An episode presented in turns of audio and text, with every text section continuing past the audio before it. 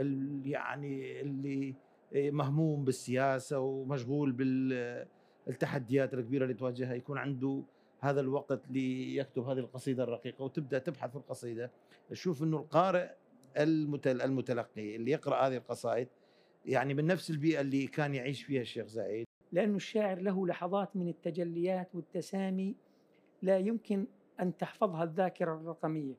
المشهد الشعري للشاعر نفسه يعكس حالته النفسية ووجدانه وإسقاطاته على البيئة اللي بيكون موجود فيها فالشاعر ابن بيئته وذاكرتها آه، هو فارس هذه البيئة هو سيد الكلام. واللسان والحال لهذه البيئة آه، بحاول آه، يأنسن ما يجد في البيئة بأنسن الشجرة وبأنسن ال- الصقر وبأنسن الليل وبأنسن النار السلام عليكم. اليوم اليوم الثالث في مهرجان أبو ظبي للشعر. كان من ضمن الفعاليات المقامة ورشات عمل آه، من مختلف البلدان والثقافات واللغات كذلك للاهتمام بالشعر النبطي. استضفت اليوم الدكتور آه، نزار خورشيد بروفيسور في جامعة دهوك بكردستان والدكتور علي عبد الحليم دكتور اللغ- اللغة الإنجليزية بجامعة الأردن. ومهتم في الأدب المقارن. اختلفنا كثير إيش نسمي الحلقة من كثر ما تنوعنا فيها. حاولنا نختصرها وإن شاء الله هناك مزيد من التكملة. أنا محمد الرحبي ودايرة من الدوائر. أهلا بدكاترتنا. الله يسلمك. آه، دكتور نزار خورشيد من كردستان ودكتور علي عبد الحليم من الأردن. طبعا كل واحد عنده تخصص أجمل يصب في صالح آه، الشعر. لكن مبدئيا ابى اتكلم عن رأيكم بالمهرجان بما أن أنتم الحين حضرتوا المهرجان. والله والمهرجان حقيقة واحد من يعني أنجح المهرجانات اللي يعني حاضرها. يعني باعتباري يعني أنا تدريسي بالجامعة من أكثر من 25 سنة. فحاضر مؤتمرات وندوات بال- بالدول العربية المختلفة وبأوروبا وبأمريكا مم. وبالعراق طبعا. يعني هذا حقيقة واحد من أكثر المهرجانات يعني أهمية اللي حضرتها. الأهمية تكمن في أنه أكو اهتمام حقيقي بالشعر. لمست أكو اهتمام حقيقي بالشعر وعملية جادة للوصول بالشعر وانتقاله من واقع إلى واقع آخر بدراسة علمية دقيقة. جميل.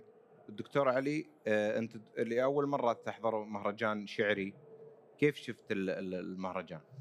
آه، شكرا أخي أبو عبد الله آه، زي ما تفضل أخوي أبو شيرة.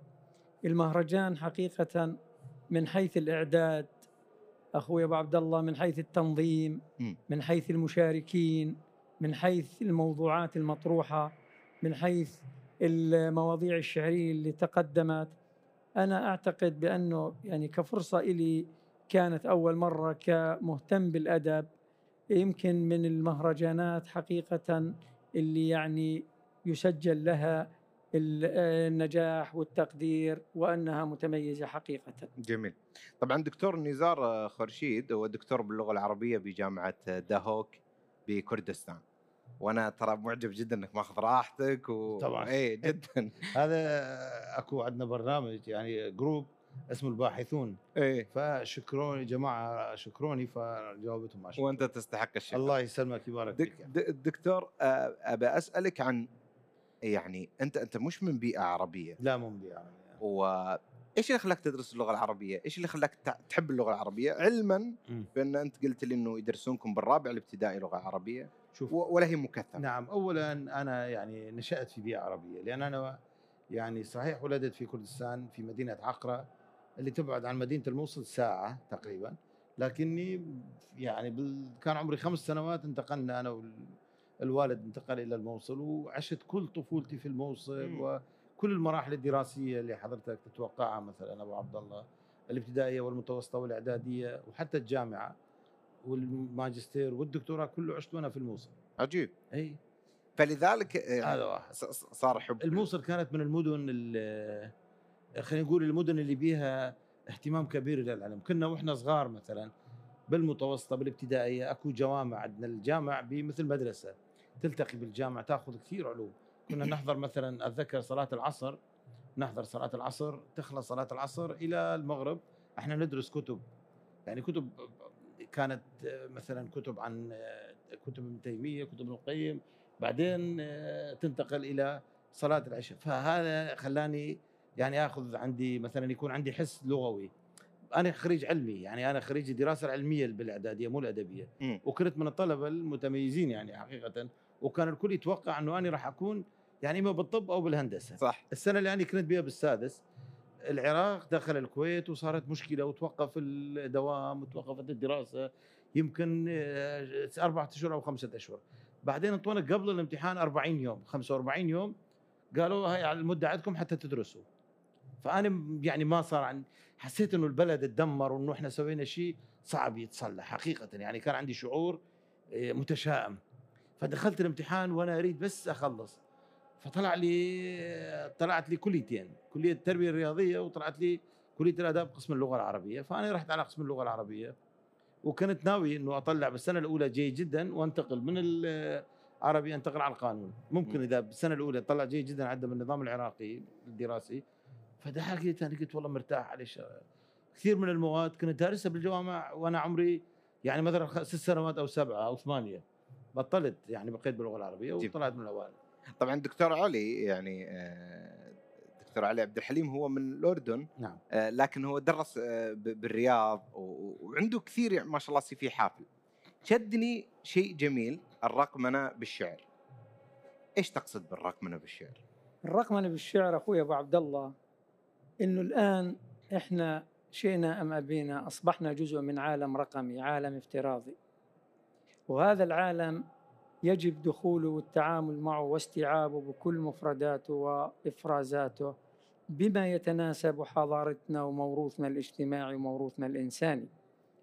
لذلك تجد أخوي أبو عبد الله إنه دخل وصار له سطوة وهيمنة على حياتنا ودخل كل بيوتنا واستفادت منه مختلف المواضيع الأدبية والعلمية والشيء اللي لا يزال غير منتهي وغير آه، يعني يعني لم يبت به بعد هو مدى الإيجابيات والسلبيات اللي خلفها هذا الموضوع اللي هو العالم الافتراضي. طيب خلي خلي خلينا نبسطها للمشاهد. نعم. ونقول مثلا آه، آه، إيش تقصد أول شيء بالرقمنة؟ الرقمنة أبو عبد الله هي التحول الرقمي التحول إلى التكنولوجيا استخدام مفردات التكنولوجيا وإفرازات التكنولوجيا ومنصات التكنولوجيا ووسائل التواصل الاجتماعي في خدمة مختلف العلوم الإنسانية وتوظيفها لهذه الغاية. بالشعر؟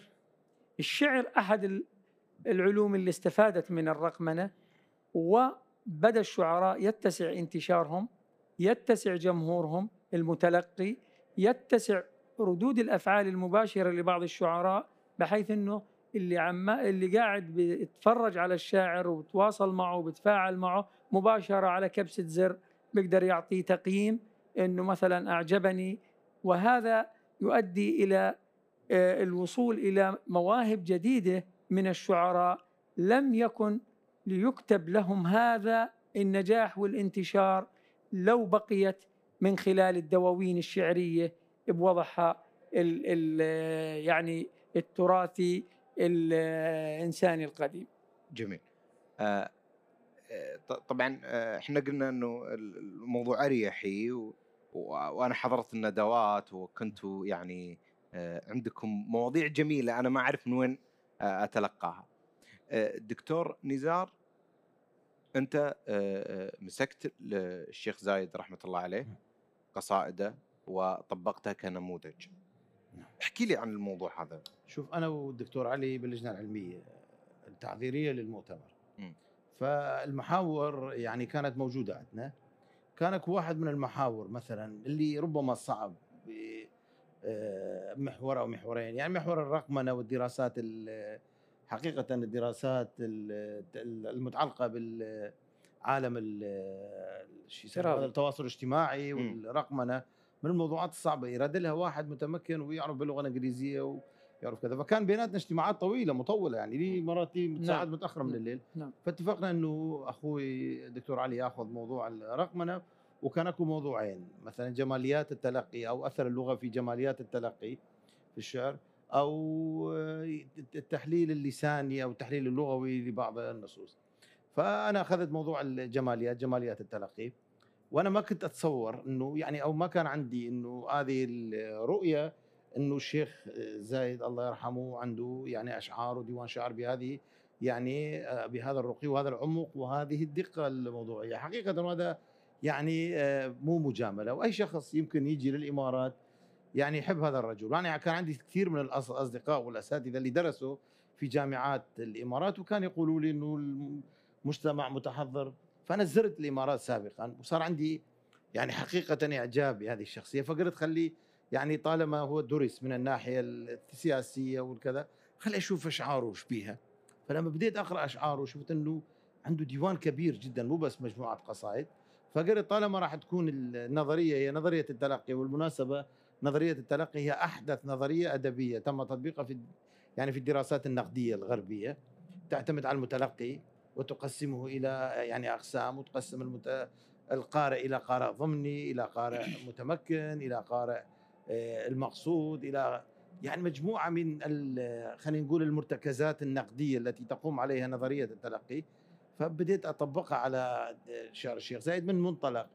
من منطلق إنه شخصية مثل الشيخ زايد لما مثلا يتكلم عن إنجازات حققها البلد حققتها الإمارات أكيد هذا التلقي للشخص راح يختلف عن إنه لو قال القصيدة شخص آخر غير الشيخ زايد. لأن هذا الرجل فعلا هذا الكلام اللي قاله هو طبقه هو سواه مو شاهد منه فهذا كان يعني هذا من هذا المنطلق.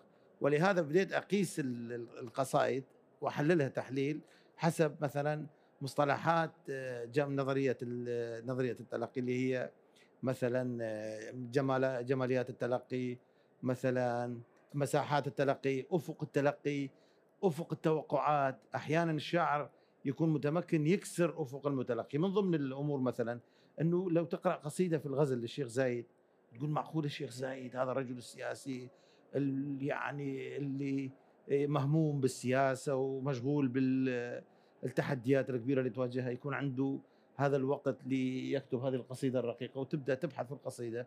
تشوف أنه القارئ المتلقي اللي يقرأ هذه القصائد يعني من نفس البيئة اللي كان يعيش فيها الشيخ زايد ولهذا يكون تأثيرها أقوى. وهذا اللي مسته. يعني من حللت الأبيات شفت الكلمات المستخدمة بالنص والهدف منها شنو؟ والقارئ المستهدف منها شنو؟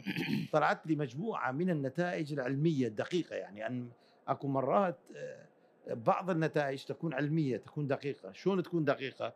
لما تطبق مرتكزات نظرية نقدية أو لغوية على نص معين أكيد راح تكون يعني هذه النتائج متوقعة لأنها مدروسة قائمة على أسس علمية. فثبت لي هذا حقيقة يعني كان الموضوع رحلة شيقة وممتعة في يعني مثلا في استنطاق النصوص اللغوية وكشف يعني أسرارها واستخراج بواطنها.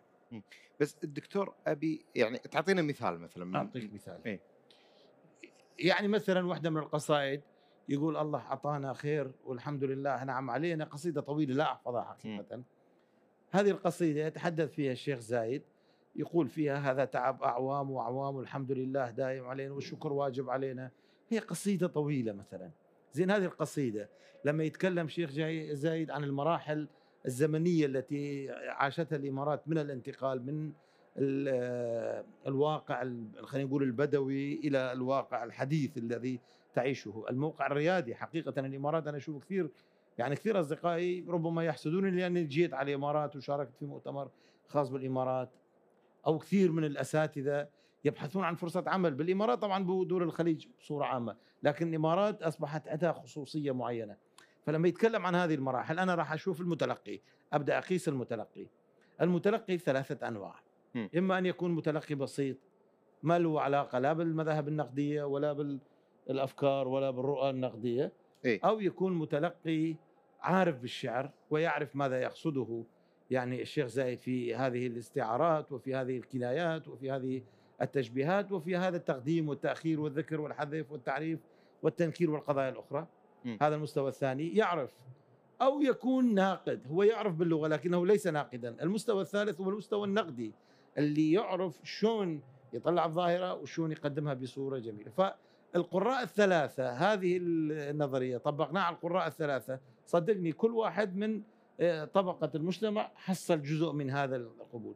وهذا الرأي مثلا على سبيل المثال هذا كان يعني آه، يسموه كسر أفق المتلقي أو كسر أفق التوقعات لأن حقق يعني خلينا نقول تأثر غير طبيعي لأنه ما تعرف أنت شلون راح تكون القصيدة. هو التوقعات شنو؟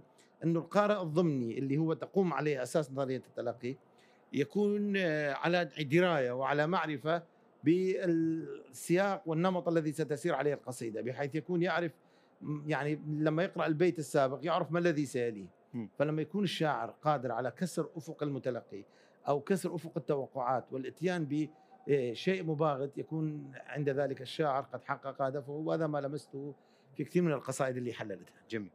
دكتور علي انت تكلمت الحين عن جماليات الرقمنه. نعم. نبي آثارها السلبية على الشعر. أه بالتأكيد هناك آثار سلبية للرقمنه ليس على الشعر فقط أبو عبد الله كما هي على حياتنا بشكل عام وعلى مختلف المواضيع اللي دخلها هذا العالم الرقمي اللي للأسف لا نستطيع أن نكون بمعزل عنه. م. الآن منصات التواصل الاجتماعي اللي أخذناها إحنا نموذجا بيقدر أبو عبد الله أي شخص يكون سواء مهتم بالشعر أو غير مهتم بالشعر إنه يجلس أمام هذه المنصات كجمهور متلقي ويقيم الشاعر وبالتالي الشاعر سيصدق هذا التقييم ومن الممكن أن يكون مش تقييم على قدر من المصداقية والثبات أنه إذا أخضعناه لقواعد التقييم الصحيحة ممكن يكون اللي بيقيم مش من المختصين وفاهمي الشعر والعارفين بالشعر ولكنه جائز يكون من باب التسلية جائز يكون من باب أنه قرأ بشكل سريع آه، القصيدة أو ما كملها.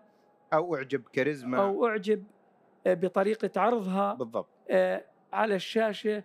لكن في حال أنه كان بروح للشاعر في الدواوين الشعرية وفي المنصات الشعرية وفي الصالونات الشعرية وفي أماكن إلقاء الشعر.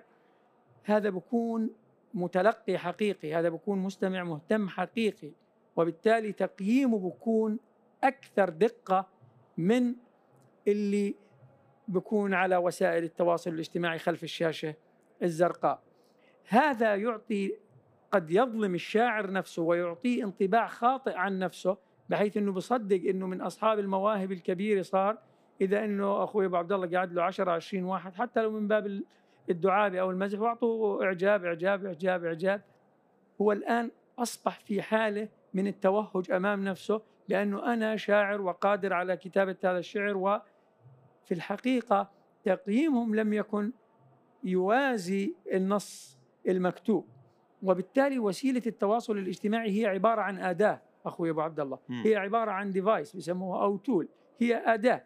المهم هو النص الشعري الجيد. آخر شيء إحنا بنرجع لمرتكزات الجودة والعوار بالشعر هو النص الجيد.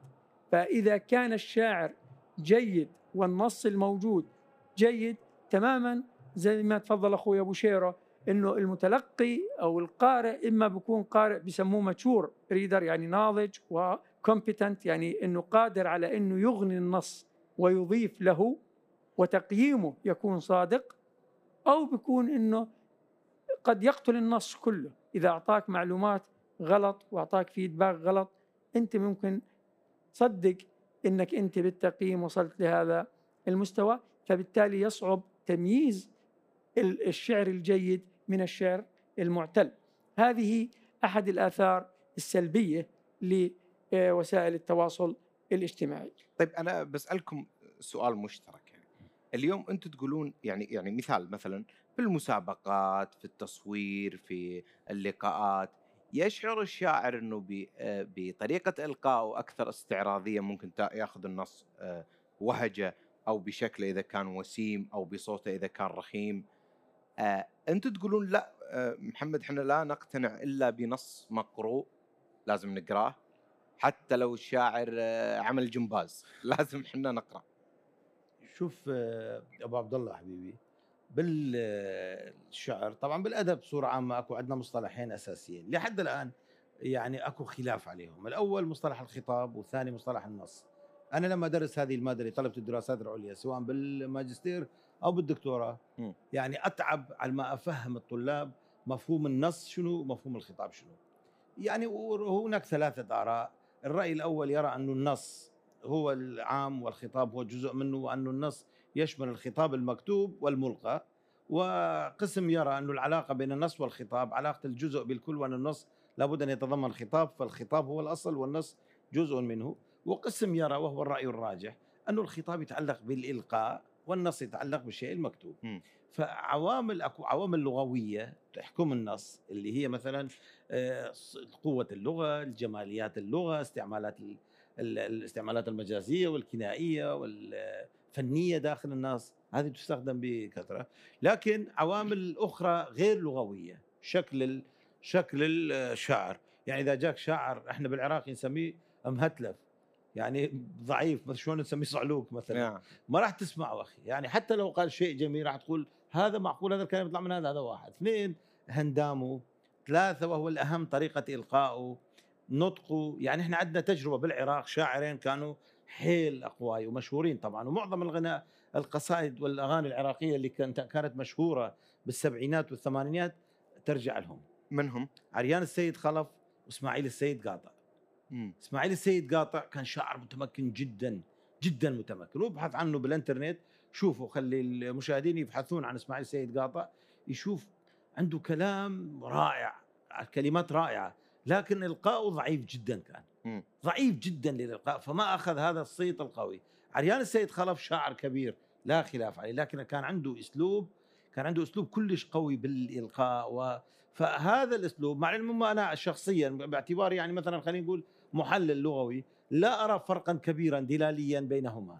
كلاهما شاعر لكن عريان السيد خلف لأن طريقة أسلوبه تختلف. عندك هسه بالنماذج الحديثة آه، عباس تشيشان مم. طريقة القائه تخليك أنا يعني أنا يعني دكتور بالجامعة وكذا مرات كثيرة بالطريق ما يكون عندي مكان سفر لي يعني مسافة طويلة أشغل أش... أنزل اليوتيوب وأسمع عباس إيه ابو قتيبه عنده حركة الجسد حركة أوفر. الجسد. تشعر ان وزنه 50 ها؟ آه مو بس ال- مو بس الجسد الصوت مم. من يعاتبك وكأنه أحيانا شلون يعني وكأنه يعني يحاول يلومك شلون أنت كذا. وبالمقابل أيضا عندك آه، خضير هادي الله يرحمه. خضير هادي ربما كلماته كانت بسيطة جدا. لكن لو شوف طريقة إلقائه وأنا متفق مع كثير من الأصدقاء إنه كثير من كلمات آه، مثلا خضير هادي كلمات عادية جدا لكن طريقة القائه وكأنه بيها يعني يخلي بيها روح فهذه مهمة جدا. بس بس بال- بال- بالعراق يهتمون بالفلاشات كثير مثلا. حتى اليوم بالخليج يهتمون بقصيد الفلاشات. إيه. اللي لو قرأته عادي لكن لو نطق واستخدم بلغة جسد إيه. مثلا أنت قلت عباس جيشان أو ما شابه كذا يختلف الموضوع. طبعا. طبعا هاي أخي هاي اللي ذكرها أخوي دكتور علي أبو هاشم ذكر بعض القضايا اللي متعلقة بالرقمنة، الرقمنة أخي هسه أنت أنتم الجيل الجديد يعني خلينا نقول إحنا الجيل اللي قبلكم كان عندنا إلمام بأمور معينة. قبل بكم بس. ثقافات معينة؟ قبل بكم قبلنا. يعني ب 20 سنة خلينا نقول ب 20 سنة. ما ما كبر الله. يعطيكم طول الله يسلمك. يعني نقول بعد 20 سنة إيه. مثلا. كان عندنا اهتمامات بأشياء معينة حتى طريقة الهندام طريقة اللبس طريقة الحديث طريقة التعامل مع الجنس الآخر طريقة التعامل بالبيت ال- يعني كنا طب يعني نوصل يعني شو خلينا نقول عادات وتقاليد معينة هسه تغيرت فمن غير المعقول إنه التغير والتطور يصيب كل فئات المجتمع. وي وما يتعلق بأهم صفة يتميز بها هذا العصر وهي عصر التكنولوجيا الحديثة يعني أنا مرات كثيره أقول لابني ابني تعال امسح هاي الرساله شلون امسحها أو تعال نزل هذا البرنامج ما أعرف شلون انزل مع العلم أنا يعني أستاذ وبروفيسور بالجامعة وعندي إلمام بالإلكترونيات لكن ما مثله. تبقى المرونة لها. تبقى المرونة إيه. ولهذا الله يطول عمركم. نعم. وأنا شايف يعني خايف من الجيل الجديد شو راح يكون. يعني هذا اللي يقول عليه دكتور علي يعني الذكاء الصناعي وما بعد الذكاء الصناعي كارثة راح يكون هذا الجيل. دكتور هل تتوقع أن الذكاء الاصطناعي راح يستغني عن الشاعر؟ خليني أحكي لك أرجع لشغلة حكيت أبو عبد الله أنت عجبتني واكد عليها أخوي أبو شعره. هلأ الشاعر هلأ حتى النقاد في نقاد بيعتبروا إنه الشعر اللي بين دفتي الكتاب هذا وقف لا يجوز المساس به ولا حتى تطويره لا تقرب له لأنه الشاعر خاصة المحكي منه كمان له بجوز درجة أعلى من المكتوب. لأنه الشاعر له لحظات من التجليات والتسامي لا يمكن أن تحفظها الذاكرة الرقمية. المشهد الشعري للشاعر نفسه يعكس حالته النفسية ووجدانه وإسقاطاته على البيئة اللي بيكون موجود فيها. فالشاعر ابن بيئته وذاكرته آه، هو فارس هذه البيئة هو سيد الكلام واللسان والحال لهذه البيئة. آه، بحاول آه، يأنسن ما يجد في البيئة بأنسن الشجرة وبأنسن الصقر وبأنسن الليل وبأنسن النار نعم. وبأنسن نعم. السيارة الخنجر والسيف والحجر والسيارة ليؤنس وحدته ويجد ما يعني يكون بينه وبينه تواصل إنساني فالشاعر هو سفير الكلام وسفير الرسالة الإنسانية والموروث الإنساني قصدت أن له تجليات لا يمكن أن تستوعبها الشاشة لأنها الشاشة تعرض زي ما بيحكوا عندنا بالترجمة بالإنجليزي as is كما هو. شو بتعطيني؟ بعطيك. لكن زي ما حكيت أنت أخوي أبو عبد الله إلها كمان روادها لأنه في إلها جمالياتها. اللي حكاها الدكتور نزار. الشاشة جميلة وفي جنريشن كامل جيل كامل متابع للشاشة.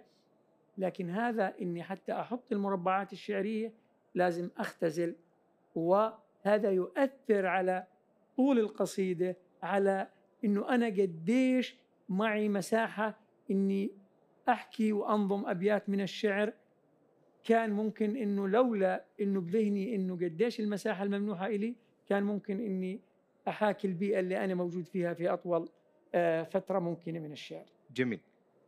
إحنا آه، خلينا مرنين بس عدل هذا دخلة من تحت. أسأل عن عن عن شيء آه، يعني تذكرونه. مثلا محمد مهدي الجواهري عندما قال قصيدته في الملك حسين آه، رحمه الله. الله يرحمه آه، اللي هي اسعف فمي. يا سيدي اسعف فمي. إي. كيف شفتوها؟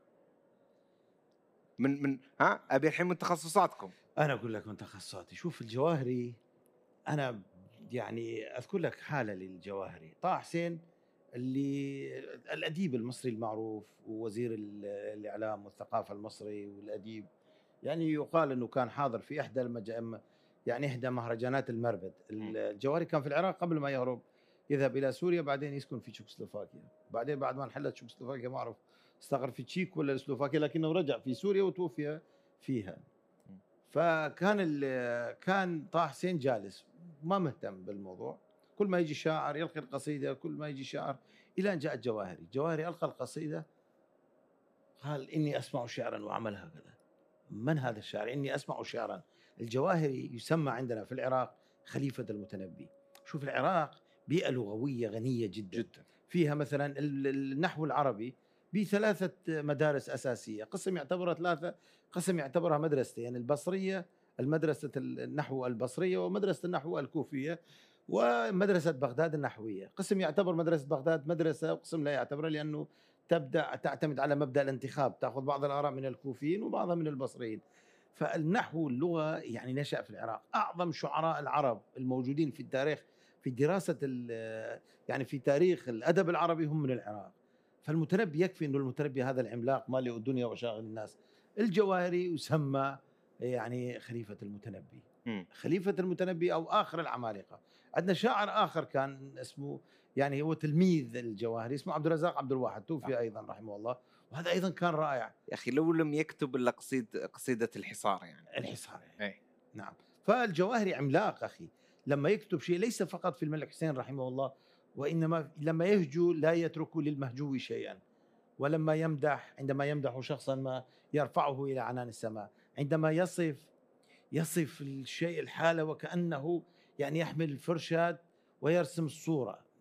كارثة هذا الرجل. عبد الرازق رثى عبد الرزاق عبد الواحد عبد الرزاق عبد الواحد رثى حتى نفسه نعم يعني. رثى حتى نفسه. لكن أنا آه يمكن آه اللي تفضل فيه الدكتور نزار يعني أوفى وأسهب وأعطى يعني آه، كل ما يدور في خاطري. لا نبي أنا- تحليل ما أعطانا تحليل القصيده أنا نبي. آه آه آه بس بدي تسمح لي أبو عبد الله أضيف نعم. للي تفضل فيه آه، الدكتور نزار.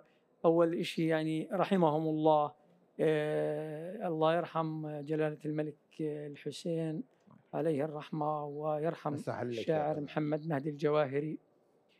آه، يا سيدي أسعف فمي ليقول في عيد مولدك الجميل جميلا أسعف فمي يبلغك حرا ناطفا عسلا لا معسلا مدهونا.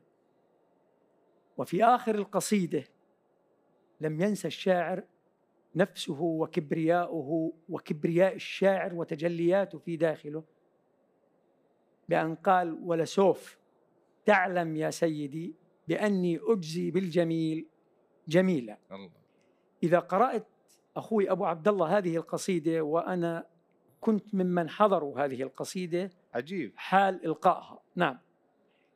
تجد أنها مليئة بالصور والمشاهد الشعرية اللي حكيت عنها لحضرتك بأنه لا يمكن للصورة الرقمية أو الذاكرة الرقمية أن تحتويها.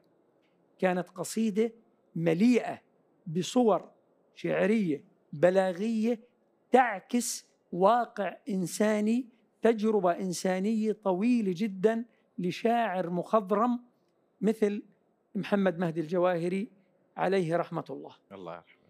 خليني أحلل لك بيت. قول لي. أحلل لك بيت من أبيات القصيدة. طبعا هذه القصيدة هو أسلوب مهدي الجواهري يجمع بين المتناقضات. المتنبي هم طبعا هو وعبد الرزاق عبد الواحد كلاهما تلميذ المتنبي تلميذان للمتنبي. المتنبي يميل ليش سم سمي المتنبي مالي الدنيا وشاغل الناس؟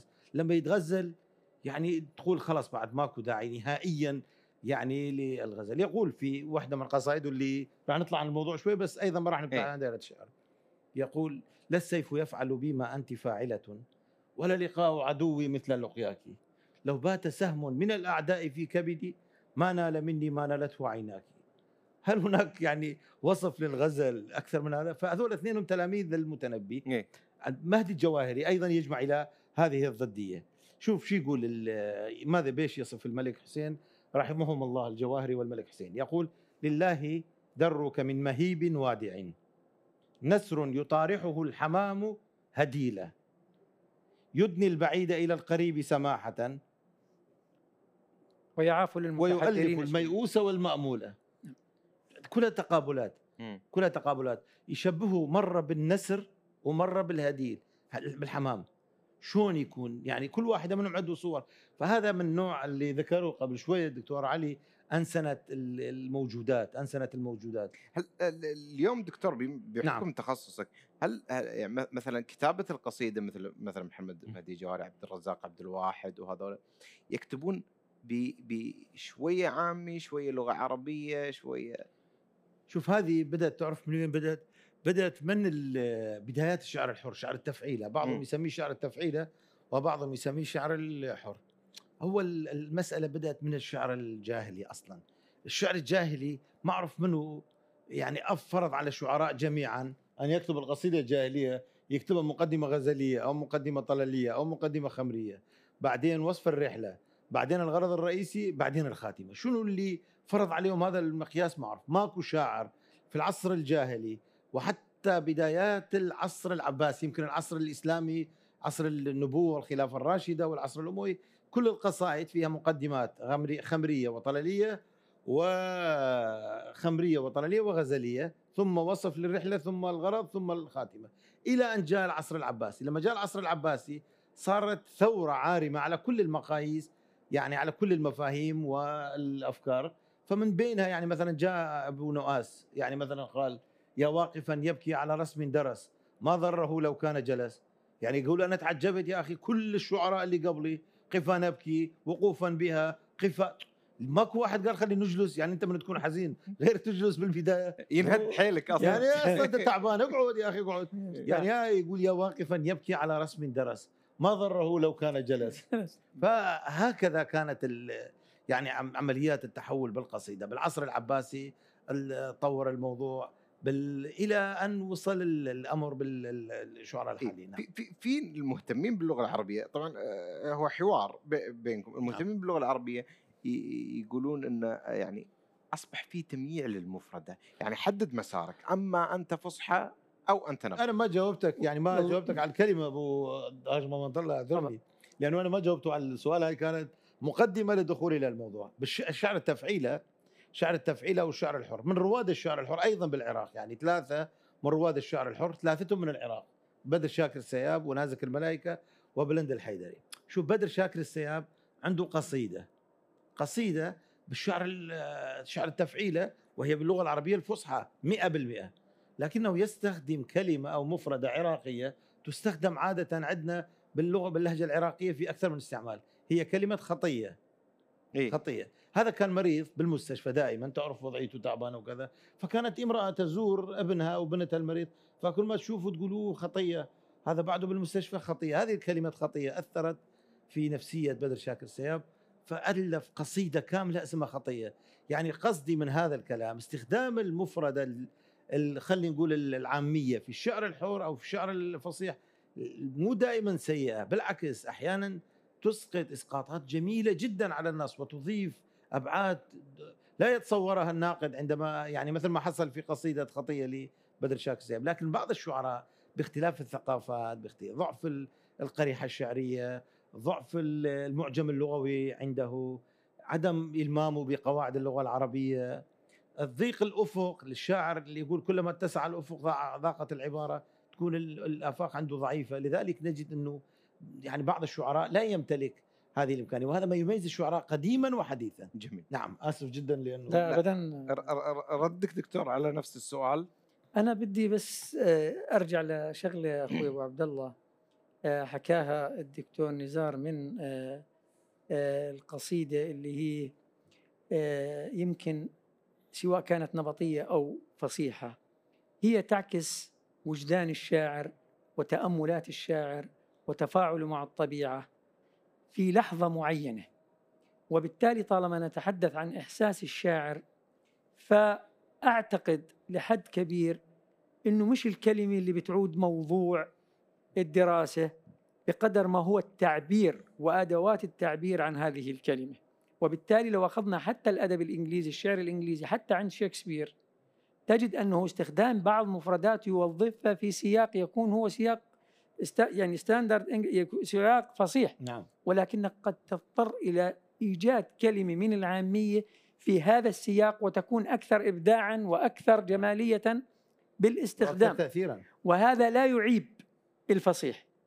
وبالتالي التقسيم بين النبطي والفصيح أو بين الشعبي والفصيح أو أي مسميات تتعلق بهذا الجانب أعتقد هي ليس من باب من الأجود أو من الأقل لا هي من باب لحظة إحساس الشاعر وقدرته وتمكنه من صياغة الكلمة في لحظة انفعال معينة هو الشعر أخوي أبو عبد الله ما أنت ابن بيئة شعرية مم. عظيمة وامتدادها بالموروث الإنساني عظيم مم. المملكة العربية السعودية والخليج العربي طبعا لسان الشعر وهم يعني من يقاس الشعر وفقا لنطقهم وكلامهم وصحيح كلامهم. مم. الشعر هو تعبير عن لحظة انفعال وجداني. هو أنت بتحكيه في لحظة معينة مليئة بالإحساس والتدفق الشاعري لمشاعر إنسانية حقيقية فبالتالي أنا أحاكم هنا ليس المفرد أو الكلمة بقدر ما أحاكم المعنى الجميل. آسف. للإطالة لا لا ما آه، ما نعم، في طالع نعم. أنتم بالنهاية جايين تنقلون الصورة اللي يحتاجها المشاهد. لكن أنا أقصد يعني هل اليوم تشوفون مرونة الشاعر آه، صاحب القصيدة النبطية مرن أكثر من الفصحى؟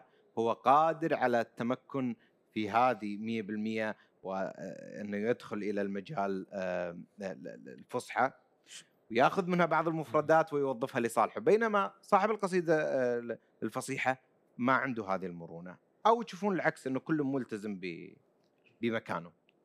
شوف هو اولا خليني أحكي لك على اللغة الفصحى واللهجة والعامية ثلاث مصطلحات أساسية.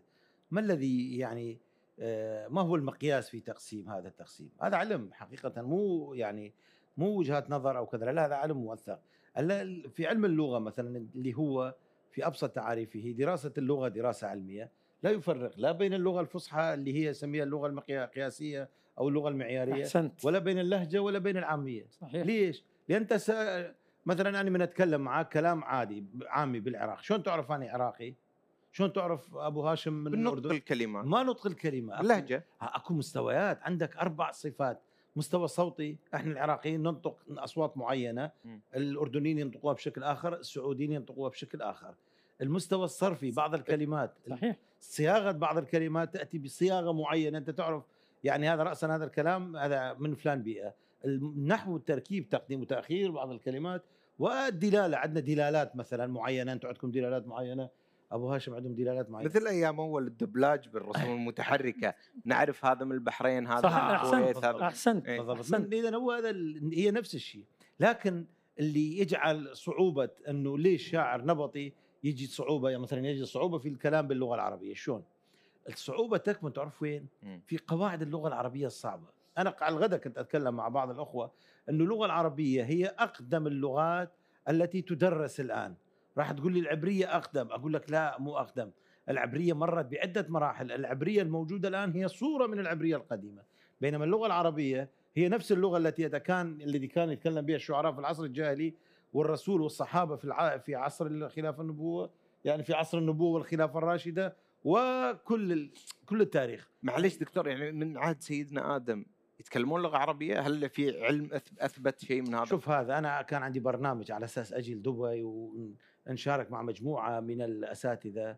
آه، يمكن أوجه له تحية أخوي وليد العطيشان ومجموعة من الأخوة. مم. إنه كان من السعودية كان مشروع إنه قناة العربية ترى هذا المشروع. إنه يعني اللغة اللي يسويها هم كان عندهم نظرية إنه اللغة الأم أو. اللغة ال- ال- الأولى اللغة الأولى اللي يتكلم بها الإنسان. شوف هذا الموضوع إنه أولية اللغة وشنو هي أقدم لغة ومن تكلم بأقدم لغة موضوع يشبه عملية الدوران بحلقة مفرغة ما عندنا دليل منو من دليلك شنو إنه اللغة العربية هي أقدم لغة مجرد وجهات نظر اللغة العربية أغنى اللغات اللغة العربية بها صور ممكن لكن لا يوجد دليل مادي ملموس على هذا الشيء طيب لذلك وين أثبتوها علميا؟ ها إلى وين؟ شوف إلى هذا الموضوع مثلا ليش أنت خلينا نسال سؤال بطريقة أخرى طالما إحنا جلسة سمر شو كيف نشأت اللغة؟ شلون ظهرت اللغة؟ أنت دكتور إي أنا أقول لك شلون. أكو ثلاث نظريات أساسية، النظرية الأولى هي تسمى النظرية الوقفية، إنه الله سبحانه وتعالى وقف اللغة على آدم عليه السلام بدليل قوله تعالى وعلم آدم الأسماء كلها، هذه النظرية الأولى، النظرية الثانية النظرية الاصطلاحية، شنو النظرية الاصطلاحية؟ إنه الناس اصطلحوا فيما بينهم، هسه أنا وأنت وأبو هاشم نقدر نتفق على لغة، هذا الميز بدل ما هو ميز نسميه سقف. تقول لي وين أخلي بطل الماء؟ يقول لك خليه على السقف، إحنا راح نفهم بس الآخر مم. فاللغة اصطلاح و- خصوصية. إيه الاصطلاح يسموا بيناتنا مجموعة نصطلح على تسمية الأشياء. والقسم الآخر يرى أنه مثلا هي مثلا الجمع بين التوقيف والاصطلاح أو مناسبة الطبيعة أنه مناسبة بعض الأصوات للغات الطبيعة. فمقصد كلامي كل هذه النظريات لا تستطيع إثباتها. أنت راح تقول العربي راح يقول اللغة العربية هي اللغة الأصلية هي اللغة الأساسية. اليهودي راح يقول اللغة الأساسية. أنا مرة ألقيت محاضرة في جامعة السر... في جامعة أوبسالا بالسويد.